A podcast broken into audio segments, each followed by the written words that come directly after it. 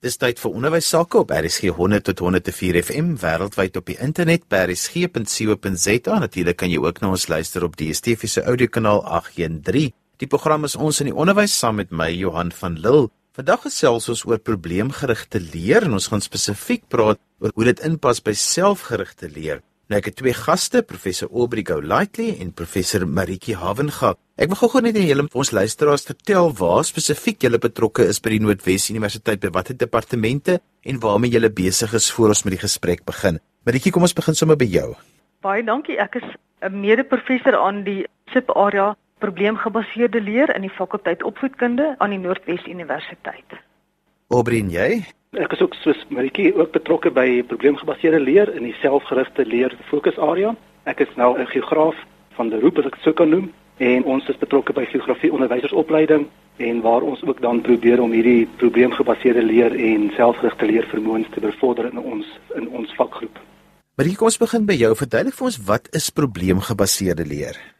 Ja, Johan, probleemgebaseerde leer is uniek in die sin dat daar aan die begin van die leerproses 'n lewenswerklike probleem gestel word wat belyn is met bepaalde onderwerp, 'n vak in die kurrikulum, byvoorbeeld klimaatsverandering. In 'n mens kan dit gebruik in sosiale wetenskappe, geografie en lewenswetenskappe wat 'n lewenswerklike en 'n multidissiplinêre probleem is. Nou probleemgebaseerde leer is eintlik 'n onderrigleerstrategie waar die onderwyser die leerproses fasiliteer en leerders binne groepsverband saamwerk om bepaalde doelwitte te formuleer, selfhulpbronne te soek, inligting krities te evalueer om die probleem op te los en dan ook uiteindelik om selfgerigte leer te bevorder. Nou leerders moet daadwerklik saamwerk in 'n groep, verantwoordelikheid vir bepaalde take neem en 'n betekenisvolle bydrae lewer tot die leer van die individu sowel as al die ander lede van die groep. Maritjie, maar hoekom is probleemgebaseerde leer nou eintlik nodig in skole en dan baie keer wonder ek maar word dit nie al reeds gedoen nie? Ja, Johan, dit word moontlik al reeds gedoen, hoewel dit eintlik nog 'n nuwe onderrigleerstrategie is. Nou, on, probleemgebaseerde leer is een van die belangrikste onderrigleerstrategieë in die 21ste eeu vaardighede om daardie, kom ek sommer sê, om probleemoplossing, kritiese en kreatiewe denke te help ontwikkel. Dit bevorder verder ook innoverende denke waar leerders in groepe moet saamwerk en elkeen aanspreeklikheid vir bepaalde take neem om die probleem op te los. Nou op hierdie manier kry die leerder dus die geleentheid om bykomende vaardighede te ontwikkel eerder as om net inligting te memoriseer en weer te gee. Sodra leerders aktief betrokke raak by die leerproses, vind betekenisvolle leer plaas en verworwe kennis en vaardighede word ook ontwikkel in leerkontekste wat hulle dit ook in ander maniere kan toepas in ander vakke. Nou die belangrikheid van effektiewe kommunikasie tussen leerders en groepe dra ook daartoe by om leerders se kritiese denke en probleemoplossing te bevorder. In probleemgebaseerde leer reflekteer leerders oor mekaar se kennis en leemtes wat bestaan, asook die aanspreek van die leemtes deur addisionele bronne te raadpleeg. Obriba, wat behels die probleemgebaseerde leerproses dan per se? Johan, ek sal graag dit wil begin leer, miskien net 'n bietjie voorbeeld wil gebruik, so 'n alledaagse voorbeeld. Jy weet as ou byvoorbeeld gaan kyk na fietsry. Nou maar baie keer as kinders klein is, dan word daar vir hulle vertel van hoe lyk 'n fiets? Die fiets het handvatsels en die fiets het byvoorbeeld 'n staal en 'n raam en 'n buiteband en speke en so aan. Maar dit beteken nie as hy alles weet van die fiets af, hy kan die fiets ry nie. En daarom is dit so belangrik om te gaan kyk na aktiewe leerprosesse of aktiewe leer. By ons kyk ons net veral na probleemgebaseerde leeraktiwiteite. En in hierdie probleemgebaseerde leeraktiwiteit is daar nou sekere prosesse. Jy kan terugkom na die fiets toe. Wanneer jy nou uiteindelik die kind vat en jy sit hom op die fiets, dan moet daar nou nodige ondersteuning wees vir daai kind om te sê maar nou gaan ek begin ry. Nou weet hy alles van die fiets af. Hy weet hy moet sy voet op die trap sit. Hy weet hy moet die handvatsels voorhou en hy gaan nie dadelik begin ry nie. Daar is die nodige ondersteuning wat aan hierdie persoon of hierdie kind gegee moet word. Dit kan die vorm wees van die ouers of sy boetie of sussie of vriende wat hom help. Daar kan selfs ook tandwieletjies wees wat hom help dat hy eers net begin, net om te begin met daai hele proses te begin ry aan die fiets. So wat ons eintlik hier vir mekaar sê is dat probleemgebaseerde leer het ook sy prosesse wat moet gebeur. En in hierdie hele proses is die onderwyser wat as fasiliteerder optree ongelooflik belangrik en selfs ook van die mede-leerders. Nou kom ons kyk 'n bietjie na hoe lyk hierdie probleemgebaseerde leerproses. Soos Maritjie reeds genoem het, daar word 'n lewenswerklike swak gedefinieerde probleem wat vakspesifiek is. Natuurlik, hy moet nou belyn wees met wat in daai spesifieke vak aan skool belyn moet wees wat gedoen moet word. So daar word 'n probleem aan hom gegee. Tweede plek is die leerders word nou in groepe verdeel en waar hulle letterlik nou gaan kyk en sê, "Maar wat is die probleem wat aan ons gegee is? Wat moet ons nou doen om hierdie probleem op te los?" So die leerders moet nou gaan en hulle moet nou leer doelwitte formuleer. Met ander woorde, alles wat hulle moet weet voor hulle uiteindelik oplossings vir daardie probleme kan gee. Ons noem dit leerdoelwitte of in die mooi woord is leersake. Daarna gaan die leerders nou en hulle gaan doen nou navorsing oor hierdie selfopgestelde leerdoelwitte. Dit kan wees in die vorm van 'n handboek wat hulle gaan raadpleeg, die skoolhandboek, dit kan wees bronne wat die onderwyser vir hulle gegee het. Dit kan selfs wees bronne wat hulle aan die internet gekry het of wat hulle in die biblioteek gaan soek het. Dan wanneer hulle klaar daarmee, kom hulle terug en nou word daardie leerdoelwitte wat elkeen op sy eie gaan navors het, word nou met mekaar bespreek.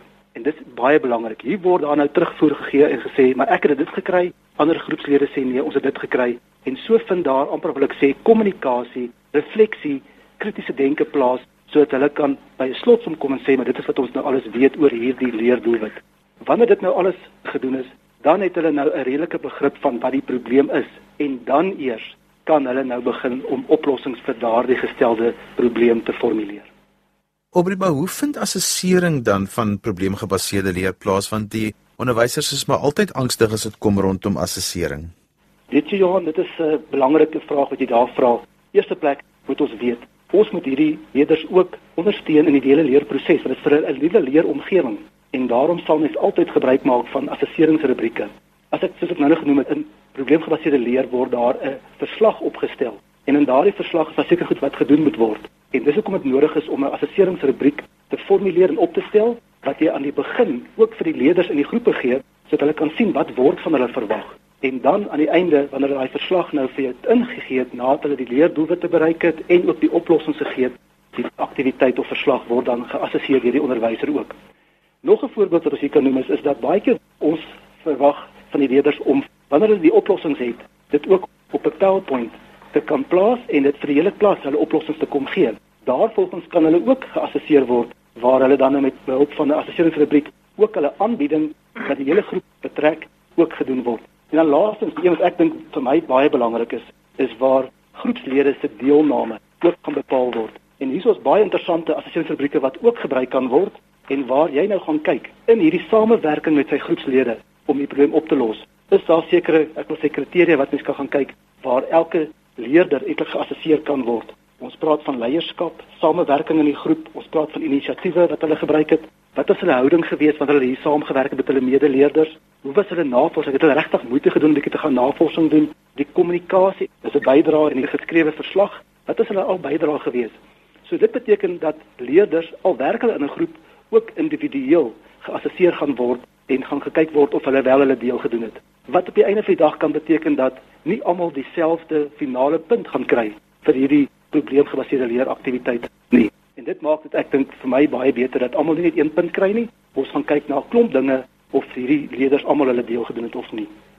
Marikie, maar wat is die rol van die onderwyser en die leerders en die ouers as dit kom by probleemgebaseerde leer? Ja, dankie Johan vir die vraag. Dit is op verskillende vlakke wat elkeen 'n rol speel. Nou die probleemgebaseerde leerproses, daar is die onderwys speel 'n belangrike rol omdat hy as fasiliteerder is. Dit is glad nie selfstudie nie, maar hy fasiliteer die leerders, ondersteun en begelei hulle in elke stap om die gestelde probleem op te los. Daar moet dus ondersteuning wees waar die onderwyser pertinente vrae vra aan leerders, basiese bronne voorsien, toevoer gee aan leerders en hulle begelei om self die probleem op te los. Dit is belangrik dat die onderwyser 'n gepaste lewenswerklike probleem wat belyn is met die kurrikulum te ontwerp, beplan en voorberei op die leerders se kognitiewe denkvlak. Wat die leerders betref, hulle moet in aktiewe groepe saamwerk om die probleem af te baken, leer doelwitte te formuleer.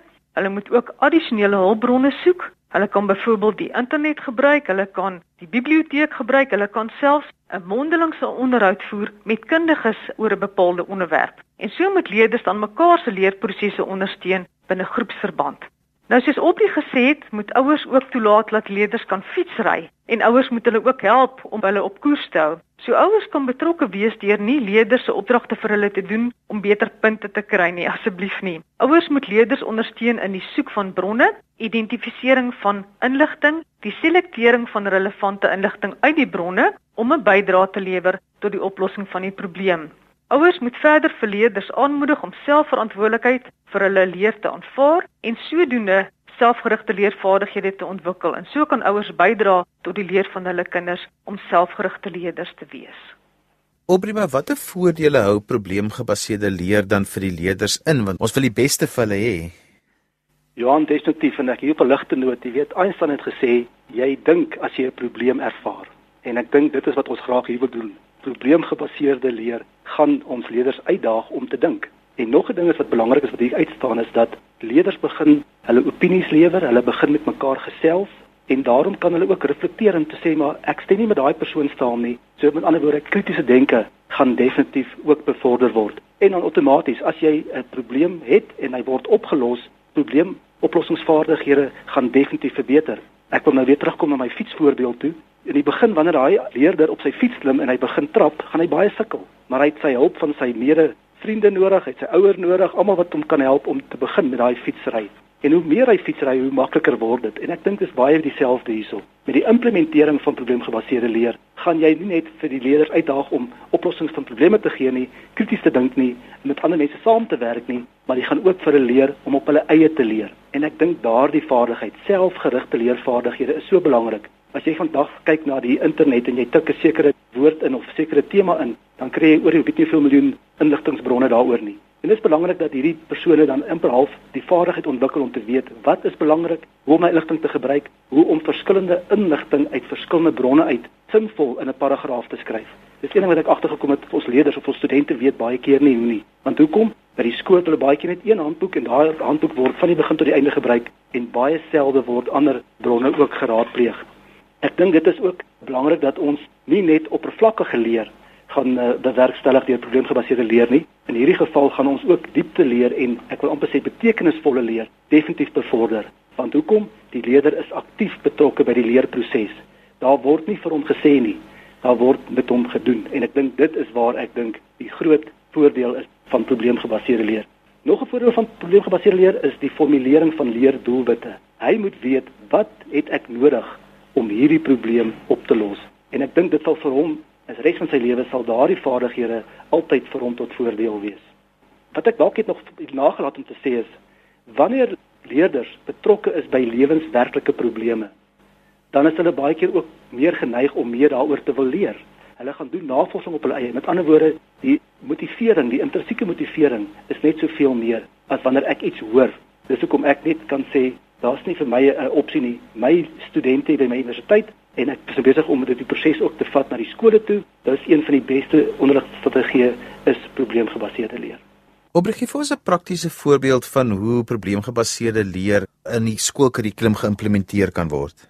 Dit is dan dit is dalk ook nodig om te sê dat die onderwyser wat probleemgebaseerde leer in sy klaskamer wil implementeer. Want ek praat nou maar van geografie, dis my verwysingsraamwerk. Daardie persoon moet die ongelooflike vakkennis hê en hy moet ook die nodige, ek wil amper sê vaardighede hê om aktiewe leerstrategieë te implementeer. So met ander woorde, die onderwyser moet goed opgelei wees.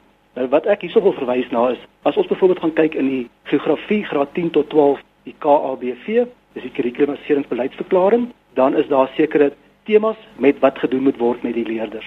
En wat ek wil voorstel is, is om dan 'n probleemgebaseerde leeraktiwiteit te vat of te formuleer en te seker te maak dat wanneer hulle daai probleem aanspreek, dat hulle ook daai gestelde sogenaamde temas en subtemas wat hulle moet bereik hanteer in die oplos daarvan. Nou ek het goed gedink Johan om te gaan en te gaan kyk na miskien 'n moontlike voorbeeld. En in, ek praat maar weer van geografie. Is daar in graad 11 is daar 'n hele tema, 'n nuwe tema dissipline wat ingekom het. Hulle praat van ontwikkelingsgeografie wat in graad 11 nou nuut is van 2011 of ek sou kan noem. Nou die voorbeeld wat ek wil gebruik is ek wil 'n bietjie gaan kyk na ontwikkelingshulp. So wat ek sou gedoen het is as ek 'n onderwyser was, ek sou rondom ontwikkelingshulp gaan kyk het wat wil hulle hê moet ons bereik in graad 11 met daai leerders. En dan daarvolgens sal ek dan 'n scenario skep of 'n probleem wat ek aan die leerders gaan voorhou. Nou Johannes het my vergun, ek wil graag so 'n bietjie hierdie scenario wil net lees en dan daarvolgens 'n bietjie met jou wil gesels. Ek het gegaan en ek het gaan kyk na die kurrikulum en ek het hierdie volgende opgestel. Verskeie dekades reeds het deurlopende bespreking in die media plaasgevind oor die gebrek aan doeltreffendheid van buitelandse ontwikkelingshulp. Sodanige besprekings kon bygedra het tot die teenstrydige gevolgtrekkings wat gemaak is oor watter regverdiging daar bestaan vir ontwikkelingshulp Hierdie teenstrydige gevolgtrekking het ook 'n impak gehad op die bystandshulp vir ekonomiese groei in ontvangerlande. En nou is die hele ding, die laaste sinnetjie, adviseer die Suid-Afrikaanse regering oor hoe om te verseker dat buitelandse hulp of ontwikkelingshulp tot volhoubare ontwikkeling en ekonomiese groei vir 'n spesifieke land sal aanleiding gee. So daardie scenario word nou heel eerste aan die begin aan die leerders gegee. Jy sal sien dit is 'n lewenswerklike probleem. Suid-Afrika ontvang ontwikkelingshulp. En die tweede ding is daar is meer as een oplossing vir hierdie probleem. So hulle kan verskillende antwoorde gaan kry. So as ek nou kan teruggaan na die proses toe, hulle sal nou moet weet wat is die probleem en nou sal hulle moet gaan en sê maar wat moet ons alles weet voor ons hierdie probleem kan oplos? En nou moet hulle self in hulle groepe moet hulle met behulp van die onderwyser wat hulle die fasiliteerder is, die volgende leerdoelwitte formuleer. Die eerste een sou byvoorbeeld wees, ek nou so gedink het, hulle moet kon sê, hulle weet wat beteken die woord of die konsep ontwikkelingshulp. Die tweede ding sou byvoorbeeld wees, watter tipes ontwikkelingshulp kom voor? Is daar verskillende soorte tipe ontwikkelingshulp? 'n Derde ding sou byvoorbeeld wees, hulle moet gaan sê, wat is as die voordele en die nadele wat hulle al opgewerk het in die literatuur oor ontwikkelingshulp aan ontvangerlande? Die vierde kan tot voorbeeld wees dat 'n doen 'n verslag oor die hoeveelheid ontwikkelingshulp Suid-Afrika die afgelope paar jaar ontvang het. 'n volgende kon wees ontleed die impak van hierdie ontwikkelingshulp vir ekonomiese groei in Suid-Afrika. En as hulle eers hierdie goed alles weet, dat hulle na gaan self navors het, dan eers kan hulle begine om advies te gee vir die regering oor wat om te doen om te verseker dat hierdie ontwikkelingshulp tot ekonomiese groei sal lei. Nou, dit is in kort as ek miskien 'n voorbeeld uit geografie kan neem. Ek dink Maritje kan dalk vir ons 'n bietjie ook uit 'n ander dissipline of vakgebied 'n voorbeeld gee. Ja, dankie Aubrey. My fokus is eintlik inligtingstegnologie of IT, maar ek wil graag 'n algemene voorbeeld gebruik in die lewenswetenskappe. Nou, mens kan ook gevalle studies gebruik as 'n effektiewe metode waardeur leerders op skool probleemgebaseerde leer kan gebruik sonder dat dit te ingewikkeld raak, veral aan die begin. Ek gaan byvoorbeeld twee gevalle studies noem en dan gaan ons 'n bietjie verder daarna kyk. Dit gaan oor bloedsirkulasie siektes. Die eerste gevalle studie is byvoorbeeld pasiënt 1 is 'n 40-jarige vrou. Sy is effens oorgewig Sy is die finansiële bestuurder van 'n groot vervaardigingsmaatskappy wat in die middestad van Johannesburg geleë is. Sy ry na en van die werk in haar eie motor en pasiënt 1 ervaar soms effense ongemak en pyn in die middel van haar bors. Sy voel van tyd tot tyd kort asem en naar. Sy voel ook soms duiselig. Pasiënt 2. Nou hierdie pasiënt is 'n 45-jarige man. Sy pa is oorlede aan beroerte op die ouderdom van 60 en sy ma lewe nog maar sy is gediagnoseer met hipertensie wat ook bekend is as hoë bloeddruk. Nou hy was onlangs by 'n kliniek waar die bloeddruk gemeet is, 180 op 120 en hy is nie self 'n roker nie, maar al sy kollegas rook. Sy gunsteling kos is aartappelskyfies. So die onderwyser moet nou aan die begin om leerders te ondersteun, verskeie vrae gee, veral as dit 'n nuwe strategie is wat die leerders nog nie meer bewus is nie. Ek gaan 'n paar voorbeelde noem. Met watter hartsiekte sal jy die simptome van die gevalle studie assosieer? Identifiseer die moontlike oorsake van elke pasiënt se siekte. Gee raad aan elke pasiënt rakende sekere leefstylveranderinge wat die persoon kan maak om die siekte te voorkom of simptome te verminder. En dan ook, watter mediese behandeling sou jy voorstel vir elke pasiënt? Na die einde hiervan as die onderwyser nou klaar die leerders ondersteun het, dan gaan hulle in groepe, hulle bespreek hierdie vrae Hulle reflekteer daarop, vergelyk mekaar se vrae en in die proses gaan hulle die probleem oplos. So dit is nog 'n voorbeeld waar 'n mens dan 'n probleemgebaseerde leer aan die hand van gevalle studies in 'n klas kan gebruik. Nou wil ek net by julle hoor ten slotte vir elkeen, wat is vir julle die grootste voordeel vir leerders as mens iets soos probleemgebaseerde leer in die klaskamer toepas? Johan, weer eens kortliks my fietsry voorbeeld. Onthou as mens aan die begin kyk, is daar gesukkel om die fiets te ry, maar met die hulp en ondersteuning van die meeste van die ouers of die medevriende of wie ook al, is dit al hoe makliker plaas. Dieselfde wat ek sou sê met probleemgebaseerde leer, jy dit implementeer in die klaskamer, aan die begin gaan daar 'n bietjie, al ek sê teenstand wees, maar dit is heel normaal. Maar soos dit meer amper wil ek sê tweede natuur word vir die leerders, gaan daar definitief makliker op hulle eie geleer kan word. Met ander woorde, hulle selfgerigte leervaardighede gaan ontwikkel en saam daarmee sal hulle kritiese denke en hulle probleemoplossingsvaardighede definitief ook verbeter. En ek dink daardie vaardighede het ons almal nodig in die 21ste eeu se omgewing. So dit volgens my Johannes die paar belangrikste vaardighede of redes hoekom probleemgebaseerde leer geïmplementeer moet word. Ja, Johan, wat my aanbetref, ek voel dat die onderwyser nou nie meer net kennis weergee nie, maar dat hy fasiliteer of leerders lei om self hulle kennis uit te brei en vaardighede te ontwikkel. Wat belangrik is is leerders aktief betrokke is by aktiwiteite en dit motiveer hulle ook soos Aubrey gesê het om verder te leer. So ons kan nie meer leerders net fokus op akademie nie en dat hulle die kennis of inligting moet weergee nie. En dit moet ook gereflekteer word in die assessering of die toetse wat reeds genoem is. So die toetse moet ook van sodanige aard wees dat leerders moet baie meer in diepte dink om antwoorde te gee en hulle moet ook oop probleme en lewenswerklike probleme oplos en ook voorbeelde gee hoe mense dit kan aanspreek.